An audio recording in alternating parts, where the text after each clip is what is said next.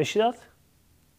Of je nu solliciteert voor een nieuwe baan, je baas om een loonsverhoging vraagt, probeert op te vallen voor je crush, of als je gewoon iets vertelt over je hobby. Iedereen doet aan marketing. En dat doe je niet altijd per se om jouw marktaandeel of omzet te vergroten, maar soms ook simpelweg om de wereld net een stukje mooier te maken. Iedereen doet aan marketing. Hoe ben jij bezig met jouw marketing? Welk verhaal vertel jij aan de wereld?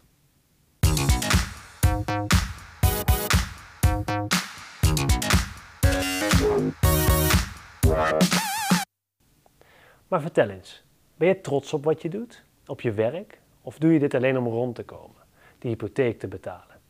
Ik hoop dat het het eerste is, want dat is motiverend voor jezelf en anderen en werkt bovendien aanstekelijk.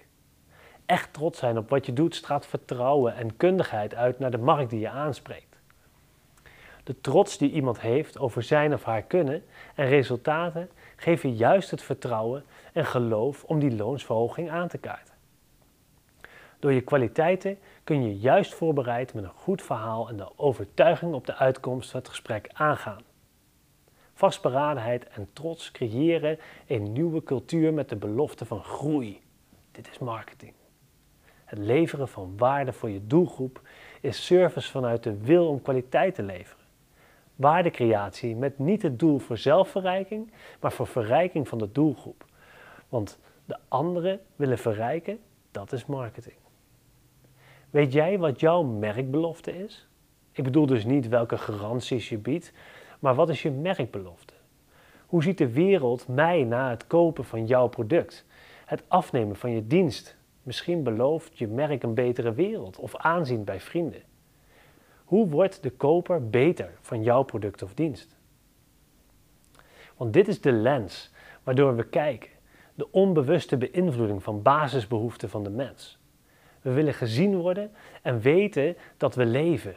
We willen onderdeel zijn van iets en we willen meedoen. We willen altijd dat iets beter, groter of mooier wordt. Het is uiteindelijk de markt die beslist en je ideeën weer verspreidt. Als een ware olievlek worden je ideeën verspreid over de online wereld. Onze tip? Maak het de moeite waard om jouw verhaal te verspreiden. Denk na over het verhaal van je organisatie. Het zijn de wortels van de boom. Hoe diep is je verhaal geworteld? Welke vruchten hangen er aan die boom? Welk verhaal vertel jij aan jouw markt? Wij zouden het super tof vinden om jouw verhaal te horen en natuurlijk om je te helpen dit verhaal te verspreiden. Dit was Nieuw Pro. Tot de volgende keer. En dan gaan we verder in dit verhaal.